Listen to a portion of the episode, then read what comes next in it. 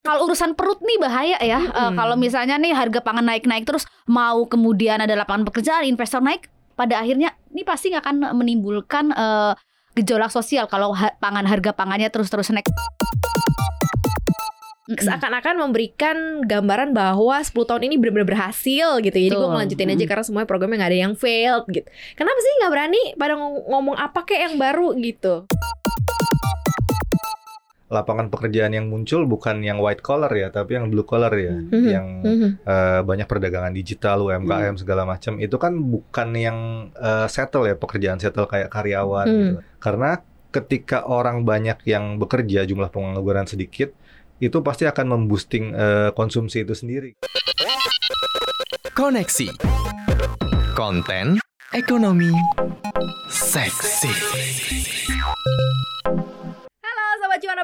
Selamat datang di podcast Cuap Cuap Cuan Semoga Sobat Cuan selalu dalam kondisi yang sehat, bahagia, dan pastinya selalu cuan ya Ketemu lagi di Koneksi Konten Ekonomi. Seksi. Wah ekonomi memang begini ya Ini harus dong cuan Harus cuan cuan gini cuan karena cuan cuan. semua berkaitan dengan cuan cuan Cuan cuan cuan cuan. uang uang uang ya. makanya selalu seperti itu ya bareng bareng Katarina di sini kemudian ada Mamai Saro di sini ekonomis CNBC Indonesia. Jadi hati-hati anda. Ini adalah ekonomis CNBC Indonesia ya. Jadi kalau dia sudah mengeluarkan sesuatu udah tuh pasti udah sah data fakta realita ada buat anda ya. Dan ada Adam Isa di sini produser CNBC Indonesia TV oke kita ini koneksi awal-awal 2024 lah ya. Mm. di minggu-minggu awal pertama-tama 2024 kita mau bahas apa sih yang seksi-seksi yang paling seksi adalah terkait mengenai rencana PR presiden, Presiden, wakil iya. presiden baru Hmm. gitu ya ini topiknya dari Mbak Esa sebenarnya Eh, Ini kita kasih aja ke Topik sebenarnya aja. hot ya, sedang hot. Walaupun biasanya dibahas. Januari dingin harus hot. tetap harus hot gitu ya Betul. tapi sebenarnya PR-nya banyak mbak Pastilah ya, karena eh, next presiden pasti akan tantangan baru. Kemudian juga apakah harus melanjutkan atau meninggalkan program-program yang lama nih. Sebenarnya kan kalau dari tiap tahun pasti ya PR utama itu pasti ya kemiskinan, lapangan pekerjaan, pertumbuhan ekonomi, inflasi itu sudah standar.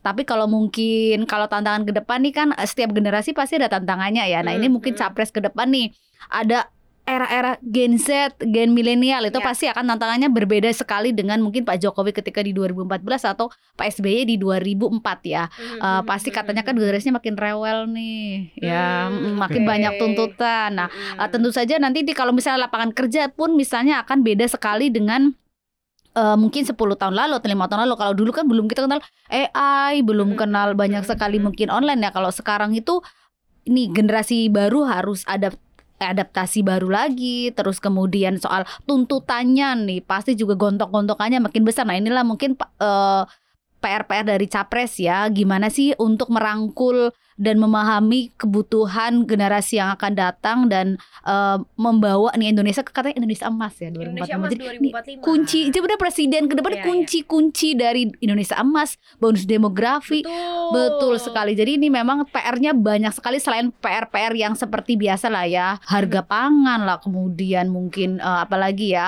eh, infrastruktur. persoalan-persoalan lain begitu ya yang Iya, mungkin betul. belum diselesaikan yang periode sebelumnya Iya. gitu ya atau yang tidak disentuh sama periode sebelumnya harus Mm-mm, dilakukan gitu ya di periode Betul. ini. Isu baru juga nih transisi energi Transisi pasti energi, juga. ya benar juga. Kita kan kalau kalau kalau soal masalah apa ya terkait mengenai rencana-rencana Mm-mm. gitu ya terkait dengan apa yang jadi planning sih sebenarnya harusnya emang mereka udah paling jagonya ya. Kalau dari kita Betul. mah kita based on experience aja deh dari sisi ekonomi. Kalau lu ngelihatnya Mas Adam apa sih yang sebenarnya para pemerintah ke depan ini harus lebih menjangkau? Ya kan kalau misal kayak target apa ya? Target Pertumbuhan. Pertumbuhan. Pertumbuhan ya. kemiskinan. Ya mungkin Pengangguran ya. itu kan kayak ya udah kan emang Iya. templating ya. Itu akan Template. selalu ada ya. Ya dari siapa pun presidennya mau partai mana pun ya. Ya, kalau di tahun 2024 sendiri kayaknya tantangan untuk calon presiden dan wakil presiden ke depan itu ya tadi yang Mbak Esa udah bilang ya, adanya bonus demografi dan tantangan untuk mencapai Indonesia Hmm. Emas 2045. Satu lagi mungkin menuju Indonesia menjadi negara maju ya. Hmm. Nah, itu kan katanya kalau itu akan terlewat, Indonesia akan sulit lagi untuk mencapai negara maju ke depannya. Ya. Itu yang harus kita perhatikan ke depan. Nah, dari tiga capres cawapres ini sebenarnya mereka pun sudah punya visi misi masing-masing dan Hmm, rencana hmm, kerja masing-masing gitu kan. dari ada yang dua calon itu mau meneruskan dan ada yang satu mau menambahkan memperbaiki ada Mhm. yang satu mau apa namanya mengubah Mengubah. mengkritik bahkan mengubah gitu kan untuk apa namanya apa yang sudah dikerjakan dari periode 10 Hmm. tahun sebelumnya lah oleh Pak Jokowi gitu ya itu yang harus diperhatikan masyarakat gitu kan Eh, kalau untuk pertumbuhan ekonomi tadi Mbak Esa udah bilang pasti ya itu tidak akan ke mana-mana kalau tidak ada yang apa namanya yang luar biasa Iya, gitu kan. benar, terutama dari benar. segi konsumsi misalnya lapangan Betul. pekerjaan gitu kan Mm, mm, mm. yang perlu diperhatikan juga adalah investasi ke depan biasanya presiden baru itu akan mempunyai warna sendiri Hmm, dan ya. akan menarik investasi sendiri dari luar gitu kan tergantung eh, ini capres atau cawapresnya deketnya sama siapa gitu kan. Kalau Hmm, yang benar. 10 tahun terakhir ini kan kita udah tahu nih deketnya sama negara mana nih, terus ada Mhm. investasi yang Mhm. masuk gitu kan. Hmm. Nah, yang investasi yang masuk eh, yang sudah ada pun gitu kan, itu harus diperhatikan karena belum semuanya selesai ternyata kan. Mhm. Eh, harus ada apa namanya jangka menengah dan jangka panjang yang harus dilanjutkan gitu kan. Mhm. Apalagi kayak proyek-proyek apa namanya beberapa kawasan ekonomi khusus, kemudian eh, IKN lah gitu kan. Mhm. Itu kan banyak investasi di situ. Terus proyek jalan tol yang belum selesai. Mhm. Nah, itu mungkin dari sudut pandang saya nggak bisa lepas gitu aja ya yang untuk eh, periode berikutnya Iya, gitu kan. iya. Karena iya. itu akan menjamin eh, pertumbuhan ekonomi ke depan eh, tidak hanya dari sisi makronya, cuma dari jadi dari sisi mikronya Hmm, juga akan berpengaruh sih kayaknya gitu. Ini kalau misalnya main dulu-duluan, yang mana dulu sih sebenarnya yang harus diselesaikan PR-nya. Karena kan kalau misalnya pertumbuhan ekonomi runningnya pasti setahunan ya. Mm-mm. Semua sih rapotnya sebenarnya tahunan. Tapi langkah pertamanya si presiden calon presiden baru ini yang mana dulu yang yang akan lebih memudahkan langkah-langkah berikutnya. Mau Paling urgent ya. yang paling urgent artinya adalah pertumbuhan dulu lo benerin atau misalnya kemiskinan dulu deh. Walaupun banyak yang skeptis kalau udah turun di bawah double digit ke single digit untuk turun lagi ke bawah tuh Susah ya? susah. Tinggal kerak-keraknya nih. Iya, karena tinggal kerak-keraknya. Karena kita tuh mengalami kondisi di mana pekerja kita banyak yang informal dan banyak yang mudah kehilangan pekerjaannya karena nggak ada proteksi untuk uh, keluarganya bisa melanjutkan hidup. Jadi somehow kadang-kadang mereka yang uh, sudah kerja keras segala macam, mereka tuh nggak ada proteksi kayak asuransi jiwa gitu loh. Jadi kalau mereka kenapa-napa, akhirnya muncullah orang-orang miskin baru karena ada banyak keluarga yang nggak bisa lanjutin kehidupannya kan persoalannya seperti itu. Ketimpangan sosialnya juga tinggi. Iya. Benar gitu. Nah, makanya yang mana dulu nih Mbak Esa? Kalau menurut saya nih sebenarnya eh, ini sudah banyak yang dibilangin bahkan mungkin ramai di TikTok di Instagram. Pasti yang persoalan besar untuk eh, pemilih-pemilih baru tuh atau yang muda itu soal lapangan pekerjaan ya. Ini kan Benar.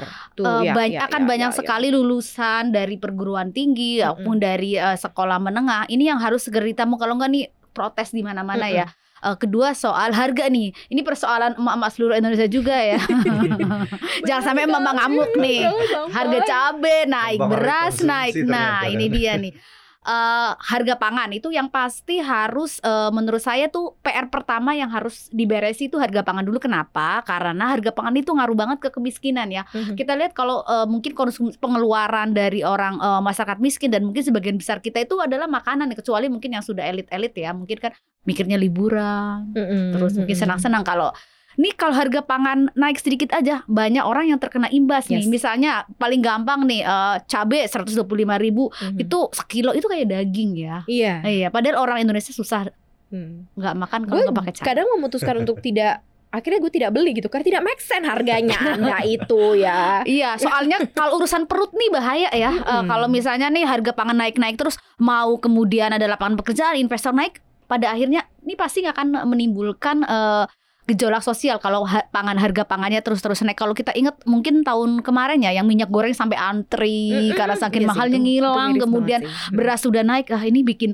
ibu-ibu pusing. Jadi menurut saya PR terbesar adalah stabilisasi harga pangan. Karena bagaimanapun eh, 53% eh, ekonomi kita tuh ditopang Konsumsi. oleh konsumsi. Kalau konsumsinya mandek karena harga pangannya naik, ini mesin yang lain macet juga ya Mm-mm, karena investasinya bisa nggak bergerak. Kemudian juga kalau eh, soal persoalan yang lain juga tidak bisa berjalan jadi pangan pertama. Kemudian soal eh, lapangan pekerjaan Mm-mm. nih. Lapangan pekerjaan juga penting karena eh, yaitu makin banyak tenaga kerja yang harus ditampung. Sementara eh, kita ini katanya sekarang lebih ke padat modal. Bagaimana pemerintah mampu membuka nih lapangan-lapangan usaha yang eh, semakin banyak ya? Mungkin Mhm, mhm. Kalau dulu kita ingat itu pernah kita eh, berjaya di elektronika, kemudian eh, mungkin Iya. tekstil, Iya, kemudian nah iya. saatnya lagi nih, karena mereka kan eh, banyak menyerap tenaga kerja ya. Kalau kemudian banyak tenaga kerja nggak keserap nanti pengangguran, nanti Mhm. bikin beban negara lagi, Mhm. bikin beban orang tua juga ya. Bener.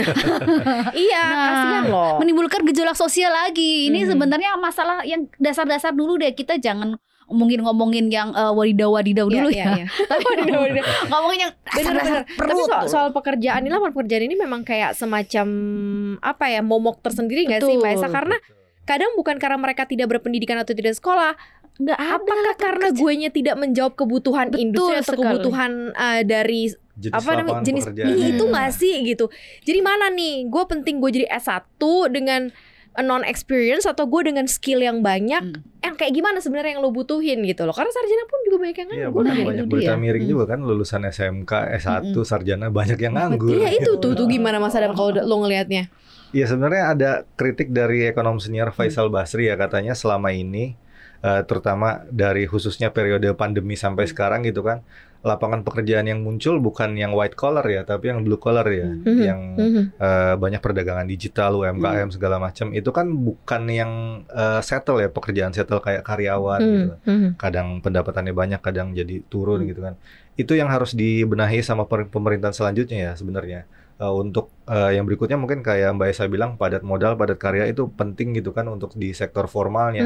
Karena ketika orang banyak yang bekerja jumlah pengangguran sedikit itu pasti akan memboosting eh, konsumsi itu sendiri gitu kan Nah, tadi berkaitan lagi sama soal harga gitu kan. Kalau harganya tinggi, misalnya uh, ada buruh gaji 5 juta gitu kan. Harga uh, harusnya dengan 5 juta dia bisa konsumsi dengan layak gitu kan, punya Mhm. rumah atau kontrak gitu kan dan tidak ada hutang. Mhm. Nah, kalau harga pangan mahal dengan 5 juta dia tidak akan cukup gitu kan. Mhm. Eh, mungkin perbandingannya sih kayak gitu ya yang biasanya. Betul. Dan ingat kalau ada perbedaan besar eh, formal dan informal. Kalau pekerja mungkin kita manufakturnya gede, formalnya terserap itu akan memudahkan akses keuangan, kemudian juga eh, mungkin eh, kredit ya. lebih Ya, murah, ya, ya, lebih iya, gampang lebih ya gampang, misalnya ya benar, karena benar, eh, benar. itu kan lebih diakui kalau informalnya banyak itu sebenarnya juga ekonomi goyang sedikit bisa bermasalah lah. Ini yang eh, PR banget buat capres ke depan nih mau nomor satu, dua, tiga. Mhm. Nah, PR ekonomi juga kan uh, tidak luput juga dengan rencana-rencana ekonomi ke depan ya termasuk IKN ya. Nah, ini Betul, ngeliatnya ya. seperti apa sih gitu kan? Kok nggak tahu sih. Ah, lu salah apa nih nanya soal Ini agak berat ya kalau IKN. Aduh, saya soal ini karena soal ini ini ya. Iya, soalnya kan kalau IKN memang banyak eh, sekali eh, kritikan ya. Sebenarnya Mm. seberapa penting sih IKN apakah kemudian kita harus cepat-cepat ini IKN tapi persoalannya adalah ini udah disetujui undang-undang ya. Iya, Jadi, uh, agak- mandatory. Eh, Mandatory. Yes. Jadi siapa pun presidennya eh, mungkin bisa mengubah tapi masalahnya ini udah jadi undang-undang. Jadi Mhm. emang harus melanjutkan karena ini juga sudah menghabiskan banyak anggaran ya. Pertanyaannya apakah kemudian keberlanjutan dari Mhm. eh, proyek ini seperti apa? Jangan-jangan mangkrak nih kan takutnya gitu ya Jangan karena sampai sih, jangan sampai. Iya, jangan sampai. juga gitu Ngeri-ngeri ya. juga ya. Ngeri-ngeri Karena ini sudah juga. membabat hutang, ngabisin Mm-mm, triliunan betul, rupiah, ada betul. sekitar 80 triliun lebih. Nah, ini nih yang harus diwaspadai sih ya. Pertanyaannya siap. Nih bisa jadi kalau eh, karena kita mungkin kalau tadi ya sama ya PR presidennya itu akan menghadapi yang sama ini kalau tiga ini kan ada satu yang agak beda, ya Beda, soal benar, IKN benar. ya. Nah ini agak berat apakah kemudian IKN lanjut atau enggak? Eh tapi lagi-lagi karena itu sudah mandatori.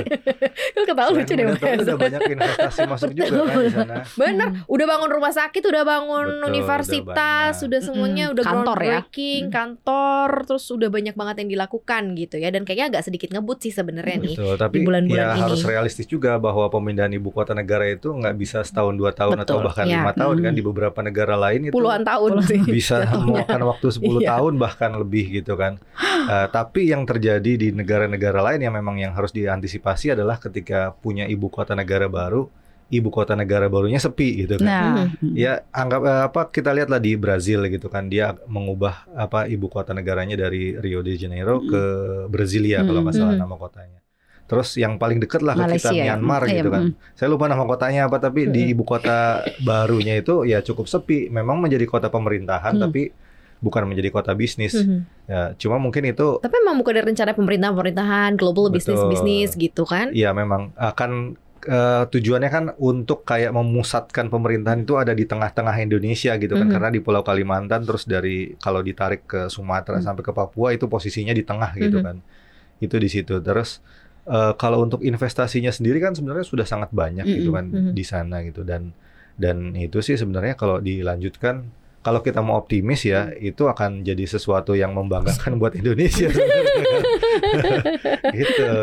Oke oke, ini menarik. Tapi kalau gue boleh sedikit mengkritik sebenarnya dari tiga pasangan calon ini, kita ngomongin soal pasangan calon dan Mm. dan uh, rencana ekonomi dan PR ekonomi yang dilanjutkan, yang yang akan jadi PR-nya mereka.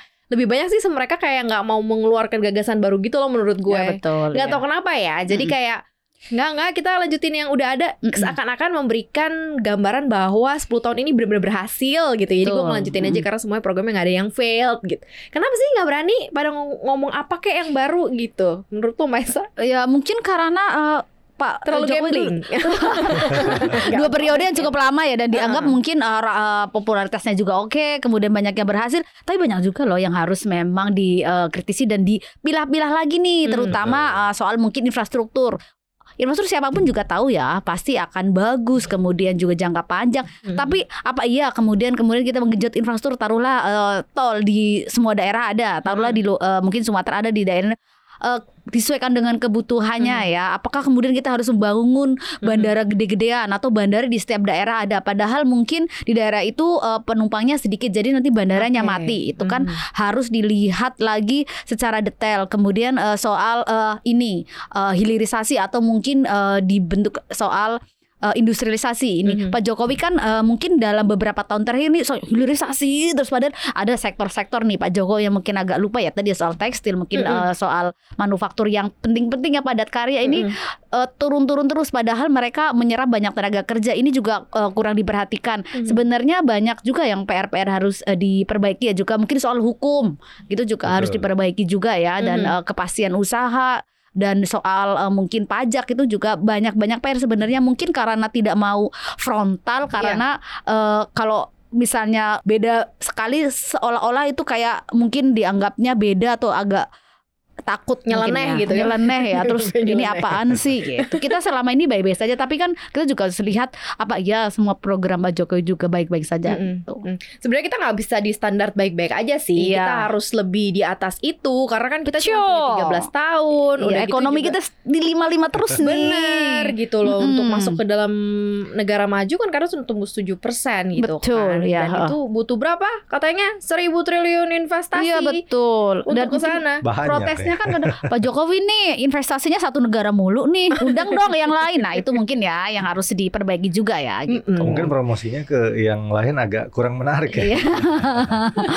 Kalau kita lihat kan pertumbuhan ekonomi apakah memang eh, kinerjanya baik baik tapi apakah bertumbuh kayaknya sih kelihatan dari indikatornya nggak terlalu bertumbuh ya Iya, karena mm. di situ-situ aja gitu kan Mhm. ya memang nggak turun tapi ya di situ-situ aja gitu ada yang harus diperbaiki ya banyak juga gitu Betul. kan. Apalagi soal kayak efisiensi pembangunan di sektor apa sektor apa. Mhm. tadi Mbak Esa bilang eh, apa namanya lebih mementingkan hilirisasi. Memang duitnya besar Hmm. gitu kan kelihatan dari eh, setelah hilirisasi ada peningkatan di apa ekspor ya, ya, ekspor devisa negara dan segala macamnya. Tapi di sisi lain kayak sektor padat karya Hmm. termasuk tekstil yang menyerap banyak tenaga kerja justru kayak dilupakan, atau Dilupakan, jadi ya. kayak mau mati jadinya Hmm, sektornya hmm, gitu kan. Padahal di situ orang-orang bekerja di situ gitu kan Mhm. dan orang-orang yang mempunyai penghasilan itu akan mendorong konsumsi sih secara langsung ataupun tidak langsung kan kayak Iya, gitu. dan eh, mungkin salah satu PR terbesar lagi nih subsidi BBM nih capres ke depan gimana nih ya karena kita lihat eh, subsidi BBM ini mau diganti kebijakannya mau tetep aja bocor Iya ya, kenapa ya? Itu dia Kenapa jadi ya? harus eh, mulai tegas seperti apa sih sebenarnya biar eh, subsidi ini tidak bengkak tidak bengkak lagi karena lumayan loh tahun kemarin sekitar 442 triliun itu 16% dari belanja negara ya Mhm. luar biasa besar itu terus Beber- beberapa untuk yang subsidi-subsidi sih kayak misalnya gas melon itu kan Iya. udah mulai didata nih Mhm, sekarang mhm. gitu ya. Nah, subsidi BBM kan sebenarnya untuk yang subsidi sebenarnya udah udah didata ya pakai pakai cara apa sih kemarin itu yang Eh, Pertamina iya. ya. nomor plat plat nomor Plat kendaraan. nomor, Nah, tapi nggak- nggak- nggak ada berhasil-berhasil Betul evaluasinya juga. ini mungkin PR lain nih eh, untuk presiden pendidikan yang anggaran pendidikan gimana nih udah 20% apa tapi nilai kita lihat kualitas pendidikan kita Benar. kurang Padahal Makanya dibilang nggak ngaruh kalau lo naikin gaji dosen atau Betul. gaji guru kalau kualitas pendidikan lo nggak naik Betul. gitu kan. Kita lihat kalau sedihnya ya kita sudah 20% dari APBN itu pendidikan tapi yang nggak terserap itu puluhan triliun. Mhm. Sementara kita sudah ngutang, eh dananya nggak terserap kualitas pendidikannya segitu-gitu aja kalah sama negara lain. padahal pendidikan kan kunci dari Bener. semuanya mau SDM Bener, naik mau negara maju harus pendidikannya harus benar gitu. Tujuh. Bener, apalagi datanya Mbak Esa bilang waktu itu dari 10 eh dari 5 ya, cuman dua eh, anak-anak di Indonesia yang bisa baca dan nah sedih hitung. kan calitung Iya. gitu ya. Jadi kan setengahnya aja kurang gitu loh untuk mencapai ke negara dengan tingkat pendidikan yang cukup baik. Wah, PR-nya banyak nih bapak-bapak ya. banyak ya Kira-kira mau part 2 part 3 untuk kita bantu bahasin di sini. Tapi ya mudah-mudahan eh, jangan jadi beban tapi justru jadi semangat buat bapak-bapak nanti siapa pun Mm-mm. yang terpilih ya. Ya siapa pun pemimpinnya Hmm. walaupun beda tapi kalau kelihatan progresnya gitu Setuju, kan setuju. apa yang sudah dibuat terus berprogres mau melanjutkan terus berprogres Benar. ya, it's okay lah gitu kan. Iya, Mm-mm. benar. Karena kita tuh ya rakyat ya, kita di sini support siapa pun yang juga bisa membawa Indonesia ke arah yang lebih baik, lebih baik dan juga lebih Betul baik lagi gitu ya. Bapak-bapak semangat ya. Karena tinggal berapa minggu lagi nanti kita nyoblos nih di hari Valentine ya. Oke, terima kasih ya Sobat Cuan ya. Udah dengerin koneksi hari ini Jangan lupa dengerin konten podcast kita lainnya Di aplikasi Google Podcast, Spotify, Anchor Dan follow akun Instagram kita di @cuap underscore cuan Subscribe YouTube channel kita juga di cuap cuap cuan Like, share, dan juga komen Mari ya, pamit Esa Ada pamit. Bye Bye.